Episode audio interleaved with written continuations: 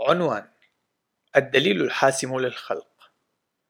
عنوان فرعي حسم الجدل القائم حول الأصول. كتاب للدكتور جيسون لايل. الفصل الثالث عنوان فرعي التناقض التطوري. فلنأخذ مثالا على ذلك.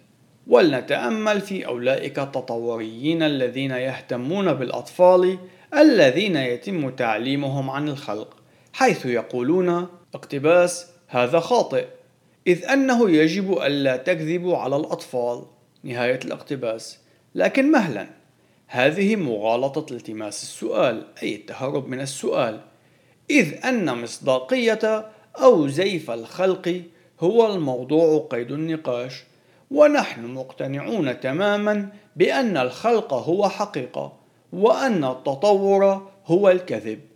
لكن حقيقة عبثية هذا الطرح هي في أن الجدال الذي يقدمه التطوريون يخالف رؤيتهم للعالم ففي ظل الرؤية التطورية لماذا يجب أن لا نكذب؟ لا سيما إن كان ذلك يسهم في رفع قدرتنا على البقاء. من المؤكد أن المسيحيين يؤمنون بأن الكذب خطيئة، ولكن المسيحيون يمتلكون سببا لذلك إذ أن الله قد أشار في كلمته المقدسة إلى أن الكذب يناقض طبيعته. سفر العدد 12-19 وبأنه يتوجب علينا ألا نكذب. سفر الخروج 20-16 ولكن بمعزل عن الرؤية التوراتية للعالم لماذا يجب علينا أن نقول الحق؟ لماذا يجب علينا أن نفعل أي شيء إذ أن المصطلحات مثل يجب ويفترض لها معنى فقط في ظل المعيار الأعلى الذي أعطاه ذلك الذي يمتلك السلطان على الكل إن كان البشر مجرد مخرجات لحوادث كيميائية عرضية لماذا يجب علينا أن نهتم بما يفعلون؟ فنحن لن نغضب على الخميرة لتفاعلها مع الخل. فذلك هو ما تفعله المواد الكيميائية.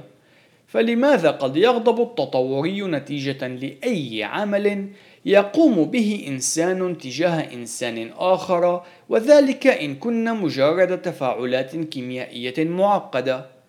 إن كنا مجرد حيوانات متطورة لماذا يجب علينا أن نتمسك بمعايير السلوكية في هذا العالم الذي يتصارع فيه الجميع على البقاء إذ أن ما يفعله الحيوان بحيوان آخر لا صلة له بالأخلاق فحين يسعى التطوريون لأن يكونوا أخلاقيين فإنهم يستعيرون من رؤية المسيحية للعالم. أحد الأمثلة الساخرة لهذا الواقع حدثت أثناء افتتاح متحف الخلق في الولايات المتحدة الأمريكية حيث قام مجموعة من المعارضين للمتحف معروفون باسم ديف كون وهي الحملة من أجل الدفاع عن الدستور. قاموا باستئجار طائرة شراعية لتحوم في المنطقة حاملة وراءها لافتة كتب عليها اقتباس. ديفكون تقول لا تكذب نهاية الاقتباس. بشكل طبيعي نحن كمسيحيين نوافق على هذا الكلام بشكل كامل. فهذه هي إحدى الوصايا العشر. كما أن الغاية من إنشاء ذلك المتحف هي إظهار الحقيقة فيما يتعلق بالخلق. لذلك كان على التطوريين أن يستعيروا من الرؤية الكتابية المسيحية هذه الوصية حتى يكونوا قادرين على الاعتراض عليها. إن الاعتراض الذي قدمته منظمة ديفكون لا يحمل أي معنى في الكون التطوري بالرغم من الشكر الجزيل لهم لذلك الإعلان المجاني للمتحف.